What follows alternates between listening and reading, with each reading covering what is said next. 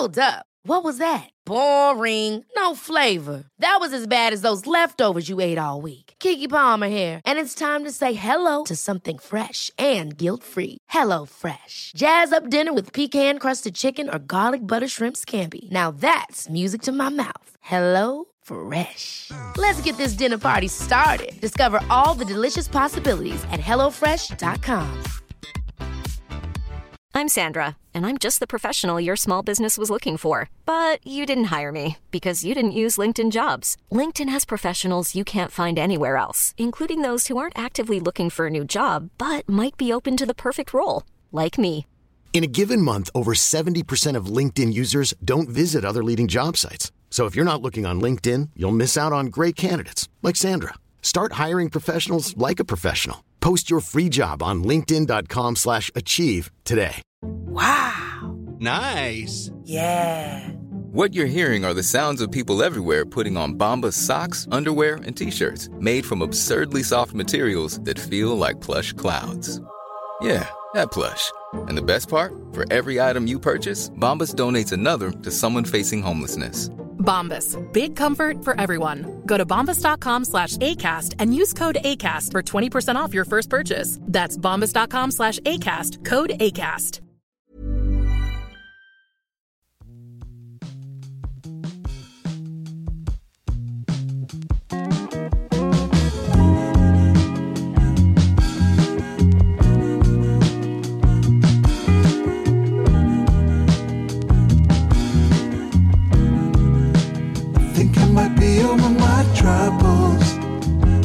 Vi eh, kommer ju att vänta lite med att eh, berätta om alla våra fantastiska upplevelser från Genève och Watches and Wonders. Men det kommer bli värt att vänta på tror jag. Ja, Mycket godis. verkligen så. Så att håll er kvar vid, eh, vid podden till, till nästa. Ge den en chans till. Mm, gör det. Och ja, vi hoppas ju att ni, och förutsätter ju att ni prenumererar på oss. ja, gå in och klicka för följ Mm. på Spotify till exempel. Eller prenumerera via någon annan Poddfångare. Ja, poddfångare är helt, helt otroligt. Jag tänker alltid på drömfångare, såna här eh, Små hovar eller såna här... Nej men såna här, det känns väldigt shaman-yoga-ish. Vi är er shaman i Stilljungeln. Ja, så är det. Men redan nu kan vi ju prata lite om en trevlig nyhet som har släppts och det är ju från eh, Omega som var eh, lite tidigare ute än andra varumärken med eh, sina nyhetssläpp. Och de har ju ett stort fokus i år som är eh, Seamaster. Aquaterra närmare bestämt. Deras serie som heter Shades. Och det är ju då Aquaterra-modellen 38 mm. Den heter väl Aquaterra 150 meter om man ska vara specifik. Och det är ju faktiskt en av de styrkorna jag tycker är viktigast med den här klockan. Det är en väldigt bra storlek. 38 mm är bättre än 40 och 42 enligt mig på näst, nästan alla modeller. Men de har valt ett färgglatt tema. Och jag gillar det här. Ja, Jag tycker det är kul. Alltså det känns, de är inte ensamma här men de, jag känner också på något sätt att det är den trend som kanske är lite roligast i branschen. Ja Just. men absolut, och man gör det ju på ett smakfullt sätt Verkligen. färgmässigt. Det handlar ju inte alls om boett och länk Nej, utan det är ju då, exakt. det är urtavlan man, man leker med. Lite i det här att man vågar lite. Det är lite pastelliga toner men då i det som kallas sunburst-tavla, alltså lite bruten tavla kan man kalla det. Precis. Vi har några personliga favoriter men man kan ju gå in på då omegawatches.com om man vill se hela kollektionen.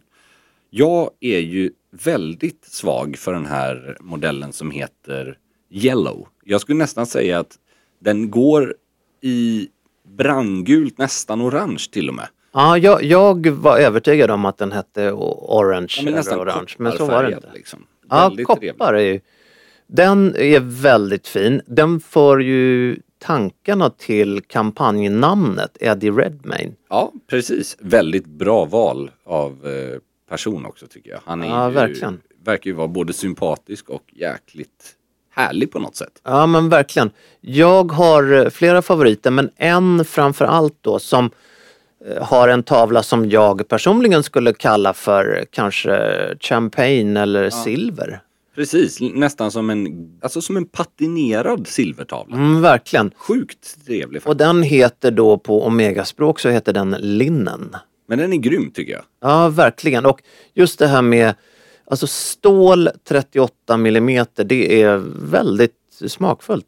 Ja, och sen för de som vill ha ännu mer färg så har vi den röda. Vi har en väldigt fin, lite matt grön nyans. Och sen mer åt det klassiska hållet då en, självklart en blå tavla. Den är ju också lite härlig för den går nästan i ja, men så här djuphavsblått, nästan lite teal, alltså lite grönblått baserat på bilderna. Det ser väldigt härlig ut tycker jag.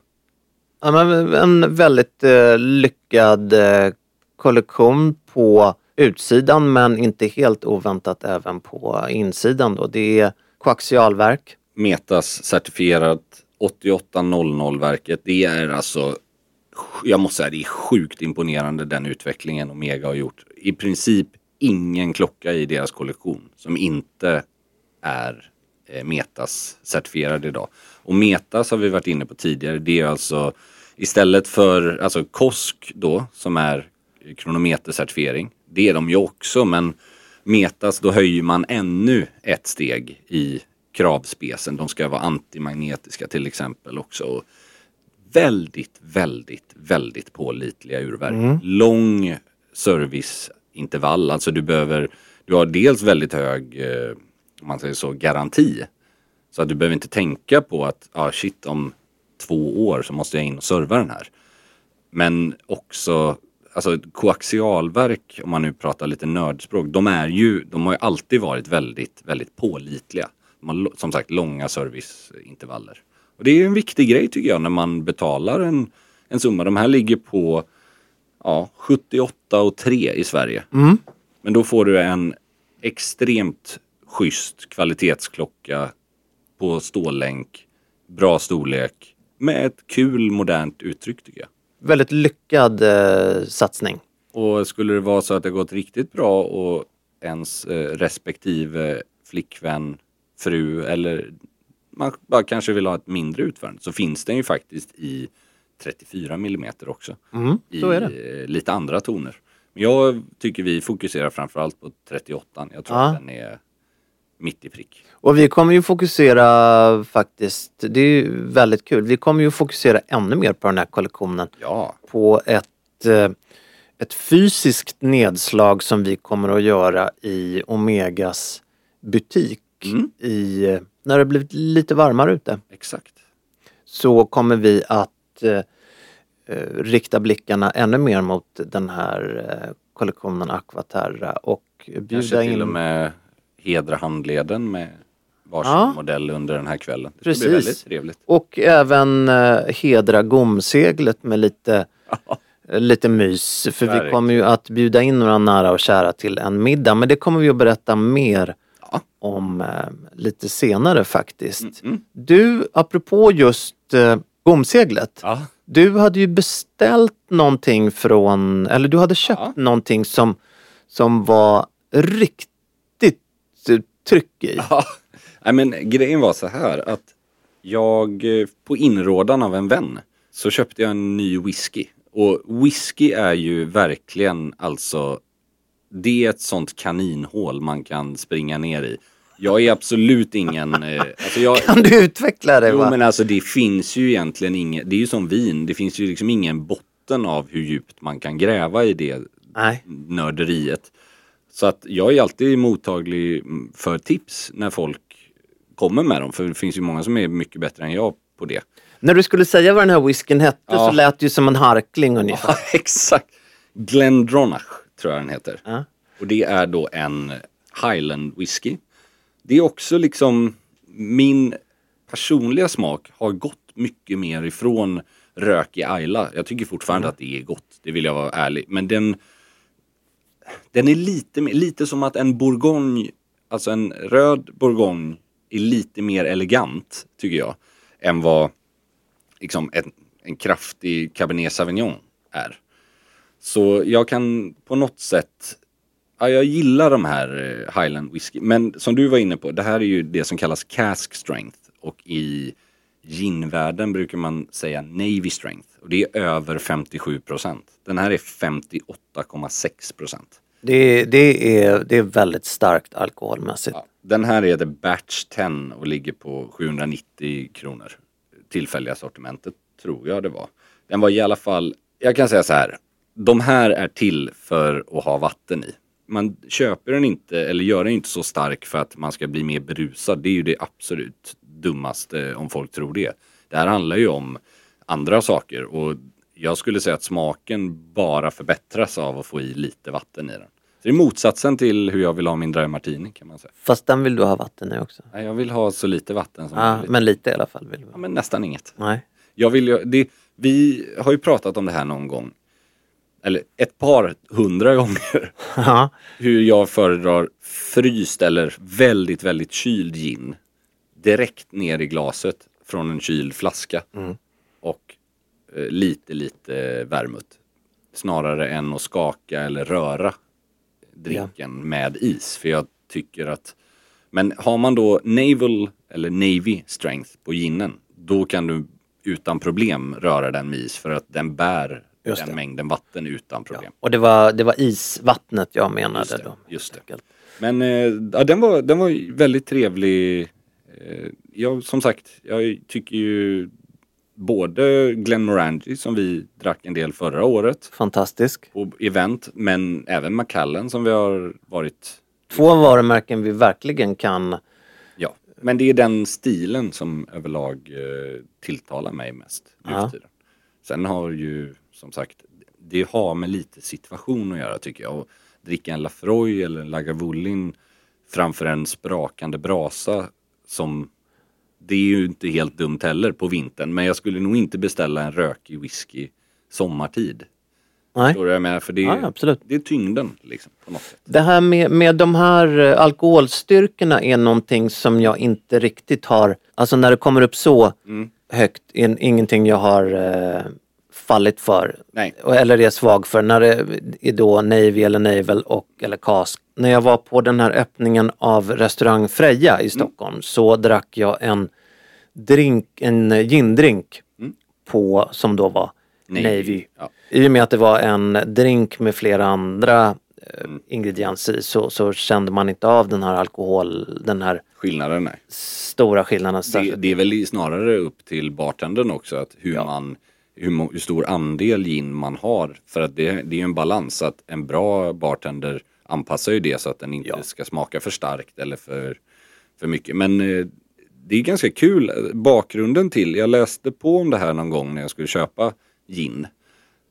Så här, vad är Navy Strength? Och då, som jag förstod det så kommer det uttrycket från sjön från början. Och att sjömän inte sällan fick betalt i sprit. Det var ju en, en hårdvaluta rent ut sagt förr. Och för att säkerställa då att det de blev betalda i höll den alkoholhalt som utlovades. Då var det då alltså Navy Strength över 57 procent och det hade med att man kunde tända eld på det på ett sätt som säkerställde alkoholhalten helt enkelt. Så att den inte var Intressant. utspädd eller liknande för att de skulle bli blåsta. Så där, det är så jag har fått det förklarat i alla fall. Intressant. Sen cask strength på, eh, på whisky tror jag är lite annat. Jag tror att det har med eh, faten att göra. Men eh, det tar vi gärna emot input om någon konnässör inom sprit lyssnar. Ja. Det lär vi ha ett par. Verkligen, det vet vi ju att vi, vi har. Och det här med att tända eld på sprit, där, där det, det kan jag inte... Jag, Jag får bilder av sambuca direkt. Ja, exakt. Och jag trodde att det handlade, med att, eller handlade om att det skulle vara en hel del socker i också. Men det det, är säkert. ja, men det är det väl i alkohol. Det är väl, det som, det är väl en del av Ja, själva det- processen. Jag för mig att det hade med krut att göra dessutom. Oj, nu är det, det är mycket manlighet i det Ja, här. verkligen.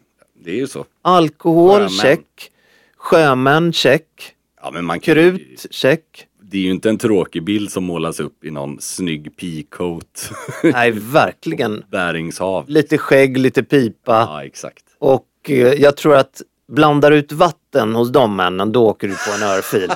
Men det, å andra sidan, Vattnet finns, det, det finns i havet. Det har vi liksom. fått nog av. Blanda inte in det i glaset liksom. nej men det, tänk också att det kan ju också varit så att på grund av den höga alkoholhalten så kunde den här flaskan räcka lite längre när man blandade ut. Så att Mm. de kunde liksom hålla, eh, hålla fyllon längre eller åtminstone flaskan. Har du, eh, körde du det när du bodde hemma hos föräldrarna? Och, Ja du tänker på det där när man var yngre och eh, ja, att, eh, ja men det har nog hänt. att du har fyllt ut?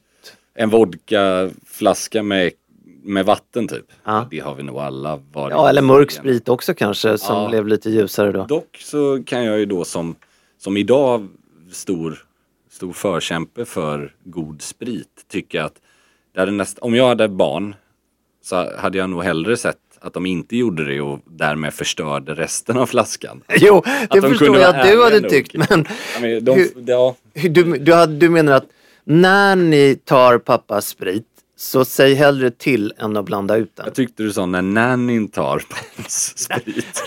Jag vet inte vilken, När- vilken liv nej. du tror jag lever. När ni tar Ja. pappas sprit. Är det så Blanda- du tänker att du hade, Ja, nej, men- att du hade uppfostrat dina Jag barn? tänker nog mer så här att om det sker så är det bättre att det sker utan att de förstör resten av min whisky. Och att, för jag menar, Jo, det förstår jag att du tänker. felet har ju begåtts oavsett om man säger så. Förtroendet har svikits.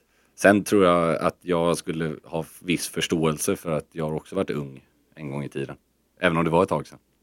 och, och gjort det och, och spett ut Ja, stulen sprit. Jag hade dock en vän som kanske inte eh, hade aceat högskoleprovet på mattedelen. För han då trodde ju under ett par år, det är sjukt att det var så länge också.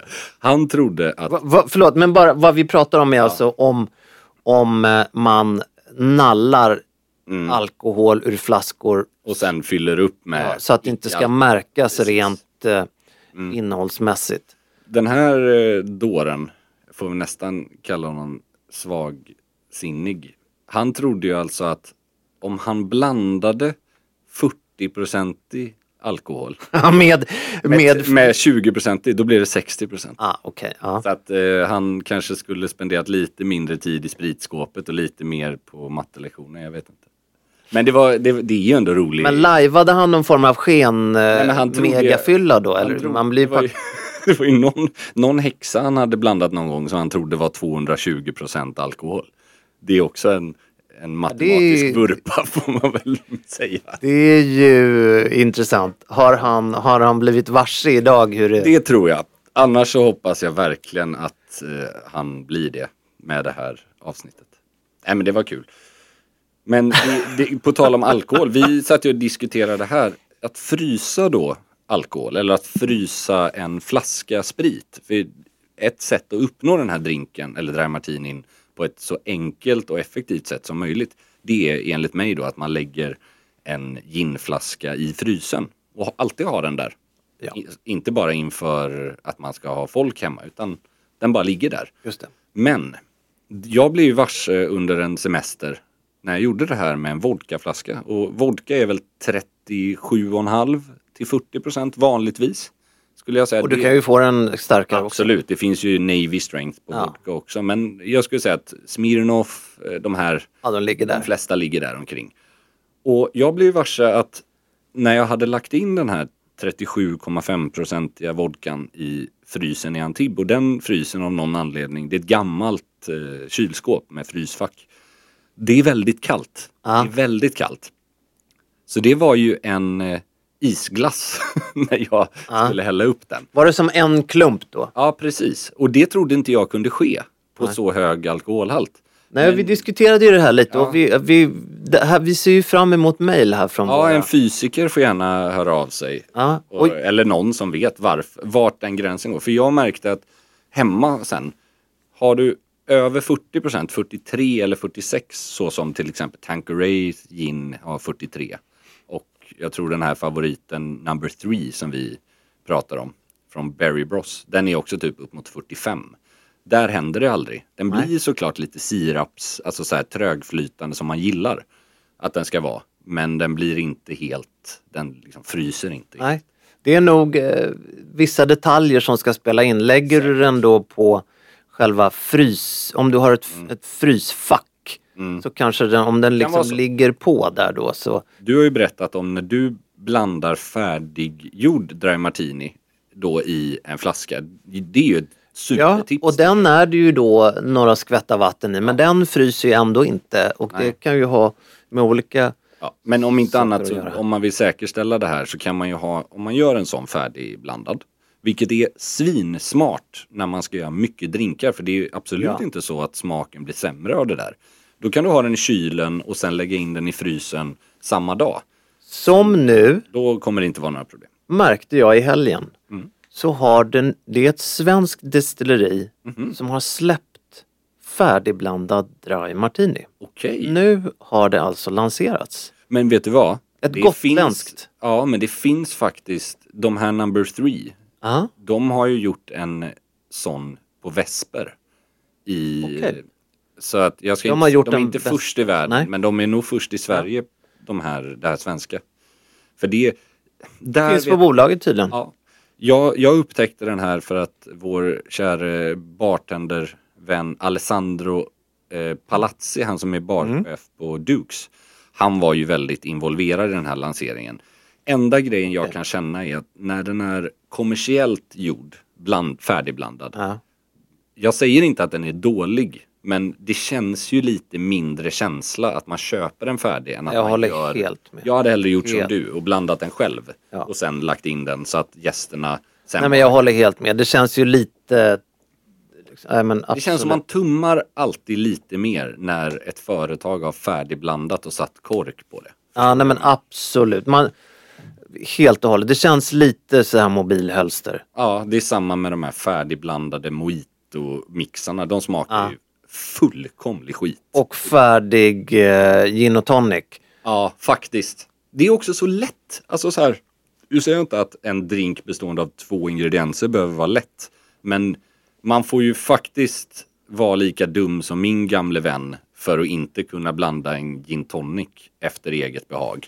Det är ju, det måste väl, det är ju snarare isen och garnityren som man får välja vad man gillar om man vill ha gurka. Ja, men det, det krävs ju ett eh, ärkepucko för att, Ja, för att misslyckas. Och det skulle jag säga, väljer du, det är ju, det vet vi ju, alltså väljer du fel glas, väljer du gammal is som har varit bredvid, säg, en gamla rester i frysen. ja, inte bra. Det sätter Det, smak. det tar ju otrolig smak. Så Ja.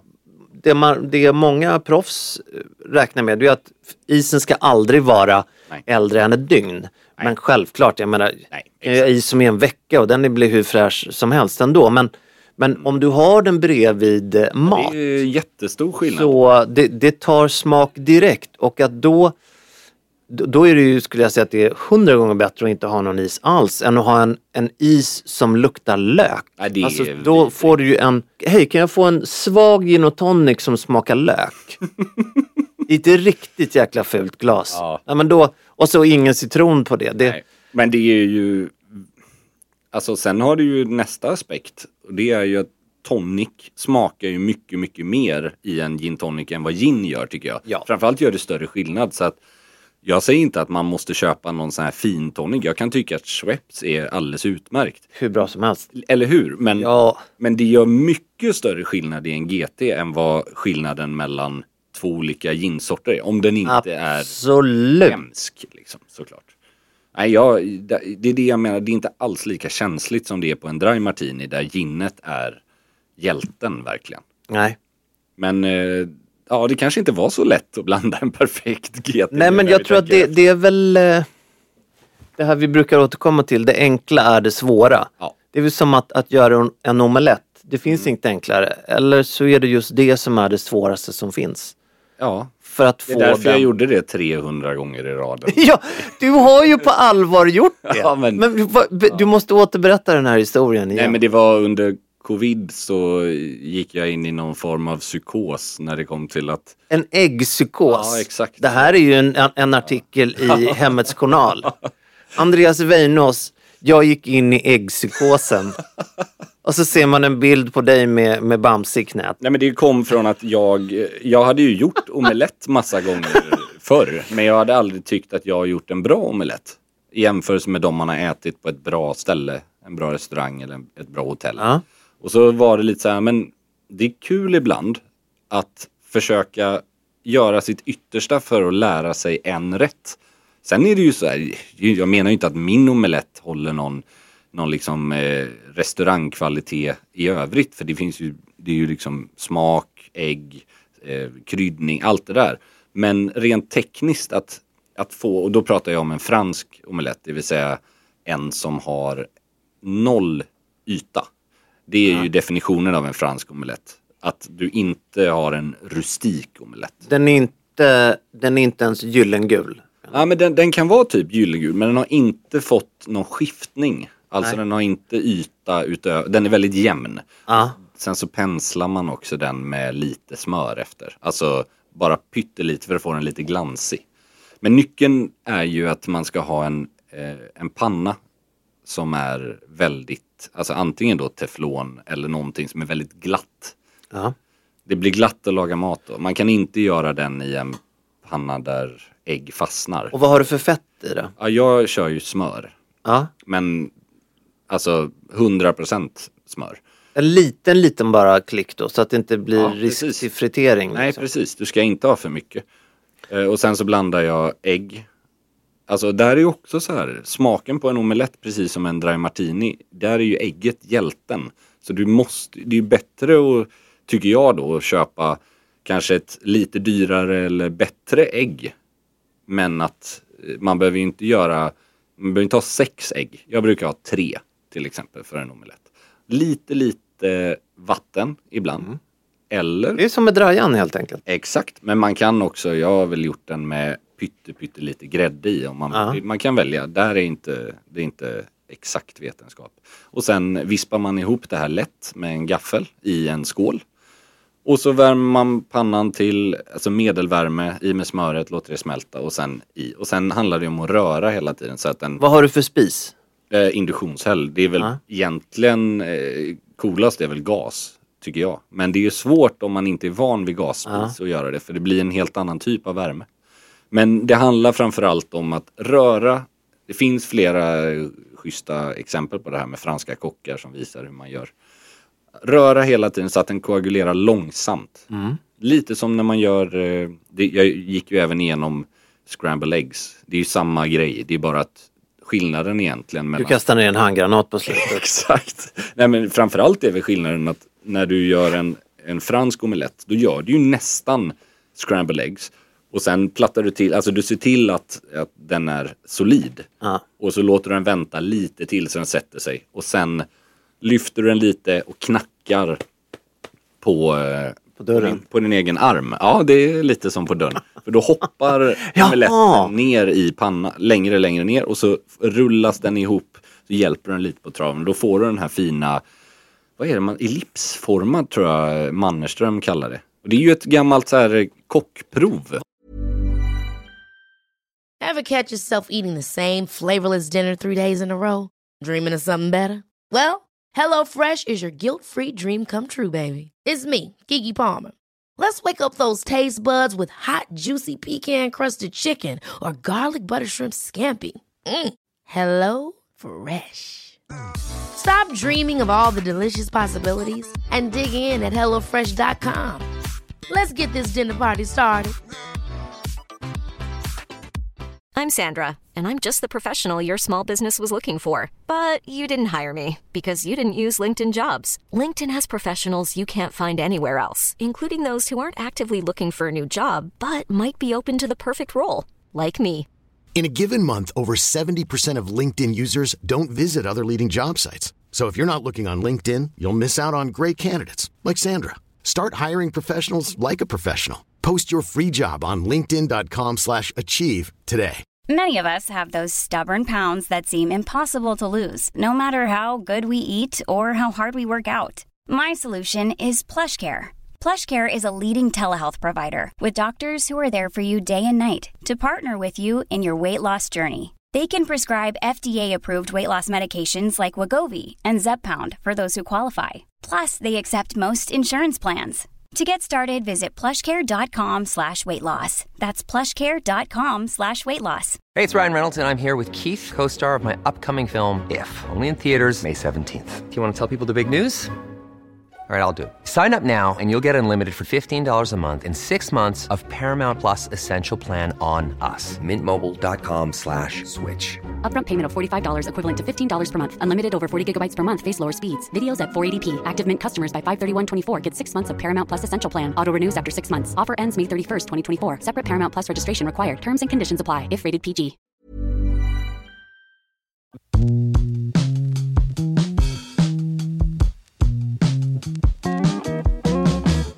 Vilken omelett ger du bäst betyg i Sverige? Oh, bra fråga. Jag vet var jag... Ja, du får säga. Jag, Nej, men jag... jag äter ju inte det så ofta ute just för att jag ätit. Den här restaurangen finns ju inte kvar men det var Bistro Jarl i Stockholm. Ja, som ju var intressant. väldigt känd för eh, dryck och stök och bök. Mm. Men även hade väldigt bra mat. Mannen, ägaren då, Per Nordlind, Mm. är och var ju väldigt, väldigt kunnig kring mat, inte minst franskt då. Ja. Så att eh, de, de hade en omelett som jag minns eh, att jag eh, uppskattade väldigt, väldigt mycket. Jag tycker ju väldigt mycket om just den stilen av omelett. Fransk, eh, den får gärna vara naturell. Är den välgjord så behöver man inte ha massa, massa ost och skinka och champinjoner och sånt. Man kan ju egent- det är lite som en risotto. Du kan ju fylla eller addera nästan vad som helst till en omelett efter tycke och smak. Men kan du sätta den så att den inte går över? För det är ju det som är A och O tycker jag. Att en omelett får aldrig bli överkokt så den blir gummiaktig. Den ska ha nästan lite, den ska vara lite medium rare. Typ. Mm, verkligen. Så här, lite, lite, den ska inte vara rå för det smakar ju hemskt. Rått ägg är ju inte gott. Nej, det, det är Rocky Balboa, det, är han, Ja, det får han stå för. Men annars så tror jag att de bästa omeletterna har jag ätit i Frankrike. På, eh, ja, men typ om vi har varit på pressresor någon gång. Ja. Då vet man ju att ett bra hotell som har à la carte, det här har vi pratat om. Ja. À la carte frukost.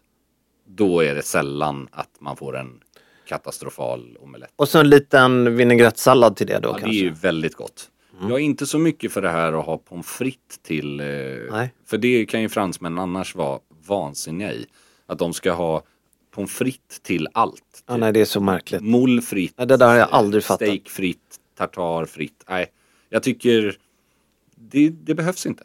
Nej. Det är en fräsch, det är också en sån där rätt som visst, eh, har du mycket smör och lite grädde och så här, det, det är klart att, att det inte är världens nyttigaste men det, jag tycker det är ganska Men det här med härligt. 300 gånger, är det, är det en skröna? Nej, nej, jag som du- skämt. På tre år så gjorde jag det lätt. Och du gjorde det på tre år då, men Ja. det var, Nej, det var det inte ju- bara coronarelaterat? Nej, men det startade då. Och då blev det som, dels att jag åt mindre kolhydrater under vissa perioder och då är omelett eller scrambled eggs väldigt eh, tacksamt. Verkligen. Men har du provat att göra den på bara vita någon gång?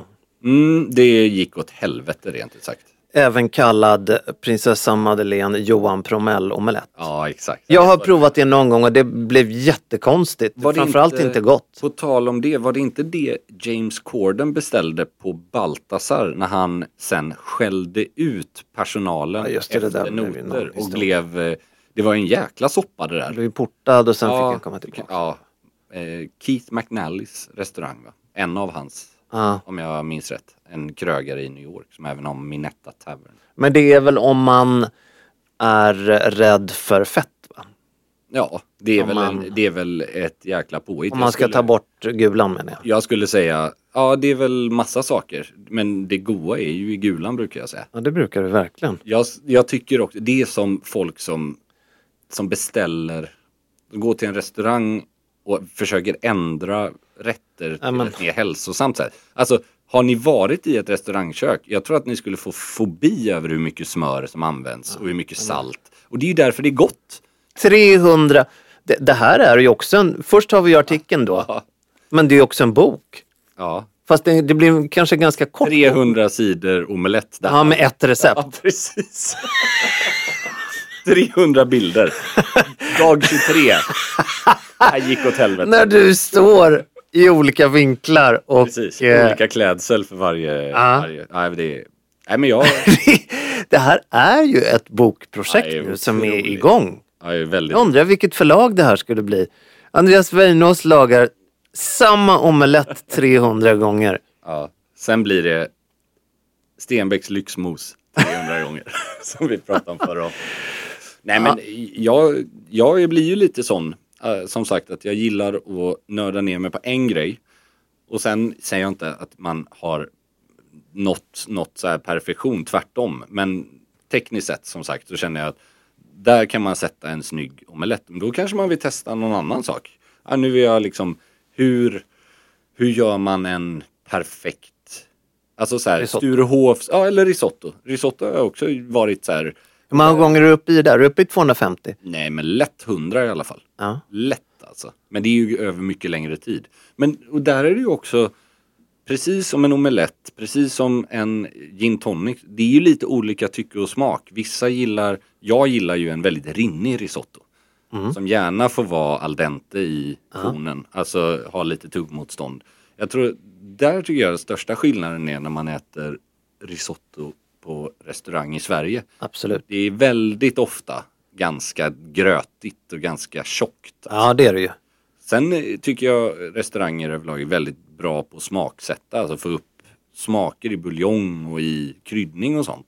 Så det behöver ju inte vara dåligt, men just stilen, alltså karaktären på den, då tycker jag det ska... Du brukar ju återkomma till att eh, buljongen det är skönsången brukar ju du säga. Verkligen alltså. Och den, där är det ju också så här, man kan ju gå hur långt och hur djupt som helst. Där ska man göra en egen buljong varje gång eller du kan ju göra, det finns ju jättegoda eh, alternativ, alltså me- mittemellan lösningar där man Ja. använder eh, köpt buljong eller blandar upp eller sådär. Det är ju ganska stort projekt kan jag tycka. Jag, jag, med åldern så har jag börjat känna att det här blir ju en väldigt konstig sammanfattning. Men man får inte vara för, man får inte vara för hård mot sig själv. Nej, jag håller med. Hur, hur blev liksom helhetsupplevelsen dagen efter? Just Är det att jag är helt fullkomligt slut? Ja, jag är med dig. Eller att det här var en väldigt trevlig kväll med de här gästerna och så. Eller det faktum att jag gick upp klockan halv fem på morgonen för att baka ett bröd med vänsterhands tumme. Alltså det, det är så här, är det, var det förknippat med nöje och glädje eller hade det blivit lättare om jag faktiskt hade köpt det här brödet hos en bra bagare? Liksom? Precis, och jag är ju oerhört imponerad när någon man kommer hem till har gjort all den här ansträngningen. Jag också, absolut. gest. Men jag skulle nog säga, mitt tips till alla lyssnare eh, låter man som om man jobbar med mat, vilket jag absolut inte gör. Men bara av egen Mm. erfarenhet att ju mer utanför sin comfort zone man väljer att vara när man ska bjuda på något. Ju mer avancerat man ska göra det, ju mer tekniskt svårt, ju större risk är det att allt går åt helvete rent Så är det. Så att istället för att försöka göra någon sån här avancerad friteringslösning eller så här, gör, bjud på saker som du är trygg med att laga. För det, när stresspålägget kommer att det är någonting som händer, man ska vara social medan man lagar mat kanske. Det är ganska skönt att ha det i ryggmärgen att den här, jag har stekt det här köttet hundra gånger också. Eller jag, jag vet att hur smakerna sitter i den här pastan. Man inte ska in och liksom Men jag, och jag tror också att en väldigt viktig detalj med eh, både matlagning och drinkar det är att man måste tycka att det är kul. Ja, Jag vet verkligen att det finns så många människor som inte minst i parrelationer tvingar sig till att eh, göra de här sakerna för att det finns en eh, trend sedan flera år i, inte minst i Sverige, att man ska laga mat, man ska vara intresserad, man ska överträffa varandra och man ska glänsa och hej och. Där det finns, jobbigt. vilket är självklart, där det finns många människor som inte tycker att det här är kul, då blir det bara en väldigt, väldigt jobbig press. Ångestladdat. Det, ångestladdat, det, det speglar av sig på relationen och det speglar av sig inte minst, eller även då på när man har bjudningen. Och det tycker jag verkligen som du säger har ändrats de senaste 15 åren. 20, alltså det var inte så förr. Nej. Alltså inte, nu utgår jag inte från egen erfarenhet för det är klart att när jag var betydligt yngre så gjorde man ju lättare, alltså det var av andra anledningar också men jag, jag uppfattar inte som när ens föräldrar hade bjudningar att det var så noggrant och det var så prestigeladdat för kring vad man serverar utan det var så här, ja men kom på, kom på middag och så, så bjuder man på någonting och det kunde vara köttbullar.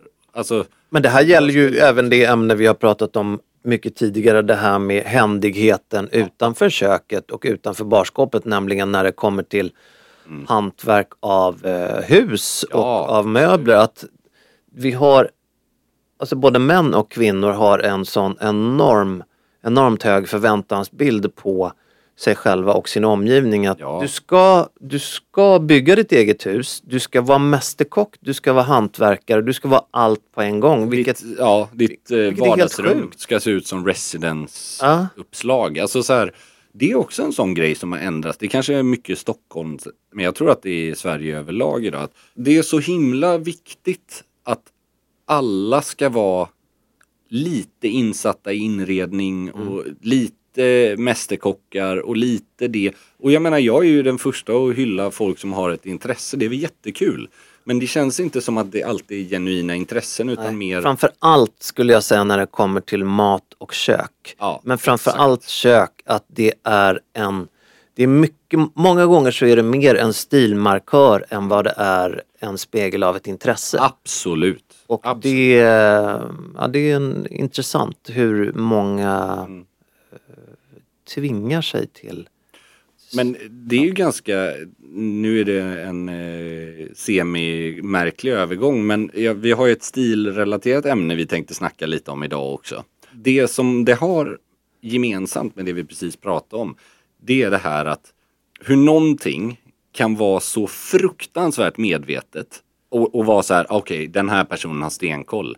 När exakt samma sak också i det här fallet då kan innebära att någon har noll koll. För vad du menar om jag förstår det, det är ju om en stiluttryck, Ja, hur mycket det är medvetet eller omedvetet. precis. Är det- är det? Ja, exakt. Ja, man kan väl arbetsnamn Farstafarsa eller fashionista. Hur utpräglad stilen är eller hur naturlig den är då. Ja, exakt. Och jag har ju några exempel som jag tycker är roliga just för att det gäller väl både klassisk herrstil eller det som benämns som menswear men även i eh, mer eller klädsel med högre modegrad. Men det som är roligt är just när man ser samma plaggkombinationer och samma styling och tänker det här kan antingen vara en liksom 55-årig farsa som jobbar som konsult på mellanstort företag. Eller den absolut trendkänsligaste snubben från Our Legacy i bara Our Legacy-kläder. Men till exempel det här att, att ha en t-shirt under V-ringad tröja. Det är ju ett sånt Larry David eller super, super medveten Verkligen. liksom, alltså, helt otroligt hur den, det, är ju, det här är ju normcore-kulturen. Det är, det, många. det är ju, egentligen så är det väl det här normcore handlar om. Och Exakt. där vi, ett av, ett av eh, de mest tydligaste exemplen var ju, eller är ju fortfarande New Balance Exakt, jag har med dem. sneakers. Typexempel. Och framförallt den modellen, nu kommer jag inte ihåg den siffran. Ni, eh, någonting. Även det här som var otroligt populärt, framförallt under de här spretsåren, eh, 2012 till 2016 kanske, eller 2010 till 2016. När man hade en slips med då inom citat, citationstecken för långt bakstycke, alltså den smala delen. Och det kommer ju från att när man knyter en slips som är längre än vad den kanske optimalt skulle vara, då vill du ju hålla den breda främre delen av slipsen i rätt höjd. Det är liksom ändå viktigast. Men det resulterar ju då i att någonstans måste överblivet tyg ta vägen. Och det blev en sån vansinnig trendgrej inom, och jag, jag lägger ingen, jag, tyck, jag har själv haft det, jag tycker det kan vara snyggt. Men det roliga är ju när det är tvärtom.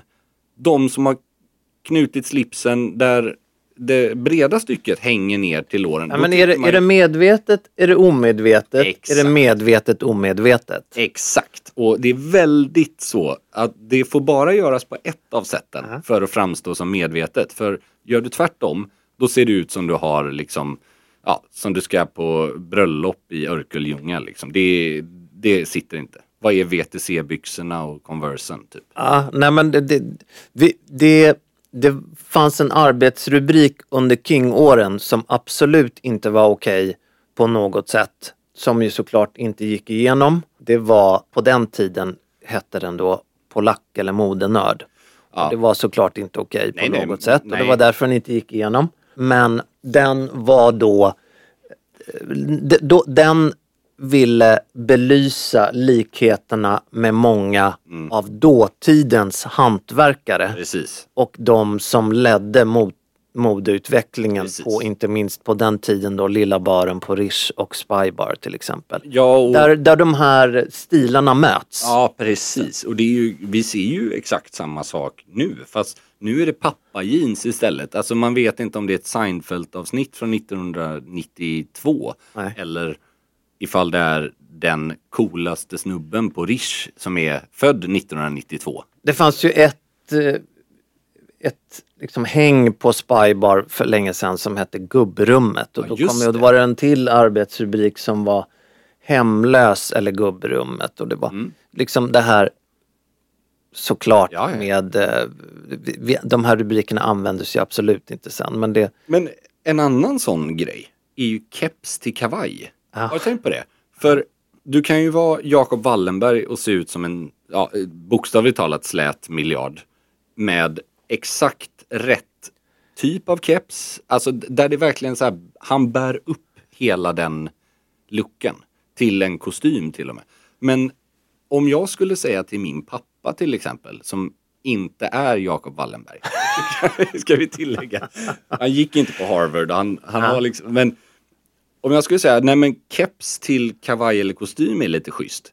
Då, hade, alltså, då tror jag jag hade blivit blind om jag hade sett resultatet. Det är ju, Jag ser ju, det jag ser framför mig spontant, liksom, om det inte hade varit, för nu har det ju blivit en trend. Igen, ja liksom. absolut. Och nu Eller är det, är ju det, det är väl mode verkligen. Ja, en så här väldigt, alltså pappakeps heter det ju typ. Ja, ja. Sån så här väldigt okonstruerad. Verkligen New Balance eh, kompatibel. Men hade det varit för fem år sedan hade jag ju mer tänkt ärke-amerikan som Upper East Side. Ja, eller en mer medelklass, s- ganska fet, i någon form av riktigt risig kavaj. Kanske på, med en sån här eh, öl i plastmugg liksom. Ja, verkligen. Det är ju det här som är lite pudens kärna här. Att när vi tipsar om alltså stiltipskombinationer, då det bygger ju också på att man måste kunna illustrera vad det är vi menar. Absolut. För att vissa saker är just fruktansvärda om de inte blir, precis som att eh, de kan bli fantastiskt medvetna eller Och- väldigt snygga. Men det är väl också de som sätter igång de här eh, Mm. uttryckssätten är väl de som personerna som vill, vill spela ett spratt hos omgivningen och väcka och få, få omgivningen att fundera lite. Klädmässig ironi. Ja men exakt och sen när den här ironin då eller de här liksom, eh, innovationerna tas över av fler och fler så blir ju det Såklart. det normala. Och det handlar ju ofta just om det där när det tas över av fler och fler. Där fler och fler av dem missar de subtila detaljerna. För att det ska man ju komma ihåg att de som lyckas med alla de här lite udda quirksen då i sin klädsel. De har ju alltid, det är ju ingen detalj som är ogenomtänkt. Förstår du vad jag menar? Alltså, Absolut. om vi tar ett annat exempel, att ha lite för långa kavajbyxor. Det var ju absolut sämsta man kunde ha. va, kavajbyxor lät roligt. Ja men kostymbyxor då. det har du faktiskt rätt i. Vad är en kavajbyxa? nu, nu börjar vi liksom även språkmässigt Ja, att spela spratt. Det tycker jag är rimligt. Nej, men, Det, eh, det, kan, vi inte, kan vi inte ändra liksom hela språket nu bara för att Ja, exakt. ja, lite för långa kavajbyxor? Ja, Ja. men eh, kostym med, alltså under samma år som jag pratade Jag förstår om vad du innan, menar, Då var ja. ju att ha en för lång kostymbyxa, det var ju det absolut värsta man kunde ha. Och jag kan nog fortfarande säga att just den här utvecklingen med eh, att byxan blir lite längre och bryter på skon. Ja. Det är inte någonting jag själv gillar speciellt mycket. Jag, jag kan tycka det ser snyggt ut på vissa kampanjer och eh, typ Saman Amel till exempel som företag är ju otroligt duktiga på att göra det där på ett smakfullt sätt. Alltså att det inte blir extremt. Alltså när man ser röda mattan då är det ju 40 centimeter för långa byxor. Ja, men det är väl det här med trend och antitrend. Att Ja. om någonting har varit eh, Exakt. långkalsongs-tight och Kort. kort. då blir det istället en vidare silhuett och den blir längre. Och som sagt, man kan göra nästan allting på ett bättre eller sämre sätt. Men det, är, det ställer väldigt stora krav på personen. Om man ska välja, ju mer utsväng, det är som det här fönstret att lyckas. Det blir mindre och mindre ju mer extrem Ja. kombinationen är. Eller ju mer svår en detalj är att, att lösa helt enkelt. Men eh, jag tycker det är... Har du något, något ytterligare exempel på Ja men alltså, jag kan tycka instoppad slips är väl samma sak som vi pratar om. Det ser ju ut som, som en farbror på ett bröllop ska liksom gå loss på Ja. buffén. Men Michael Hill på Drakes till exempel ser exakt hur naturligt cool ut som helst när Mm. han har det. Så att det handlar väl som allt om att vara väldigt trygg och väldigt naturlig i någonting. Undrar när, eh, Och samtidigt medveten såklart. undrar när stjärtglipan blir... liksom- Myntinkastet. Myntinkastet, när myntinkastet kommer tillbaks. Ja, det är väl när Peter Settman drar igång Ronny och Ragge igen. Ja, det skulle det ju vara då. Ja. En, en apropå just, jag vet inte varför jag kommer att tänka på det här nu, men det, det är väl som det som kan uppfattas som, apropå ditt tema nu.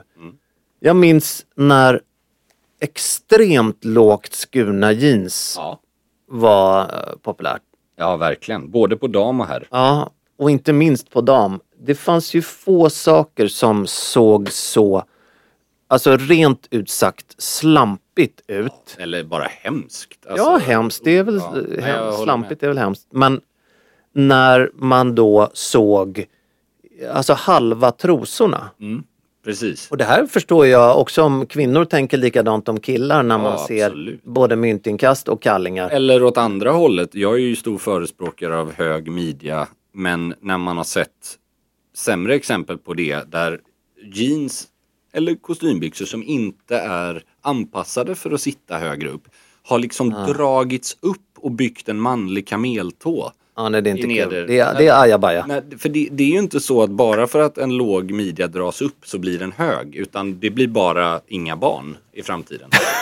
skulle jag säga. Ja, nej, det, det vill vi inte ha. Nej, det, och då förstår man ju att jag tror många kvinnor kanske utan att tala för dem har känt samma Ja, det, det är nog inte så att den höga byxan de första åren var, ja det var nog lite av ett manligt preventivmedel för många kvinnor tror jag.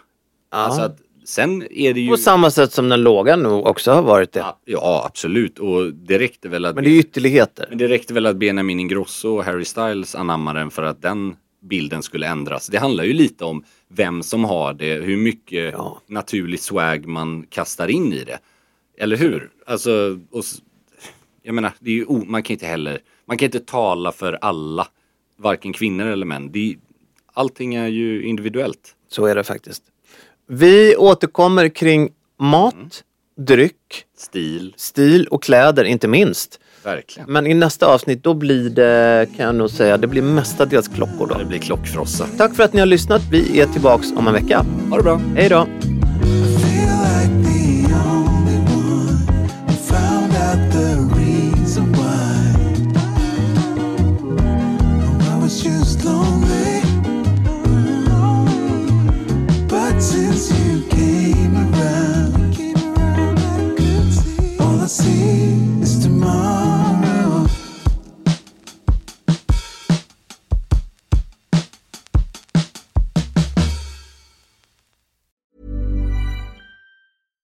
Catch yourself eating the same flavorless dinner three days in a row?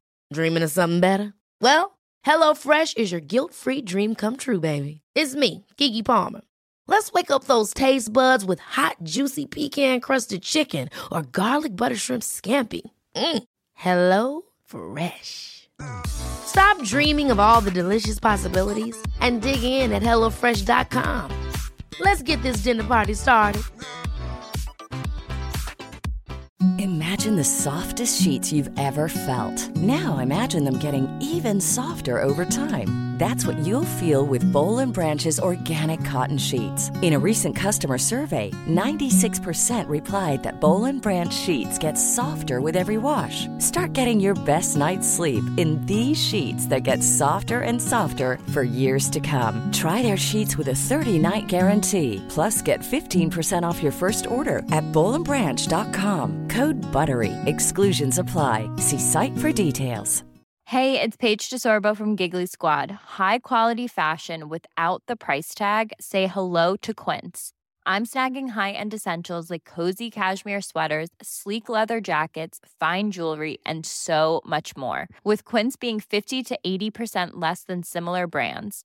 And they partner with factories that prioritize safe, ethical, and responsible manufacturing. I love that. Luxury quality within reach. Go to quince.com slash style to get free shipping and 365 day returns on your next order. Quince.com slash style.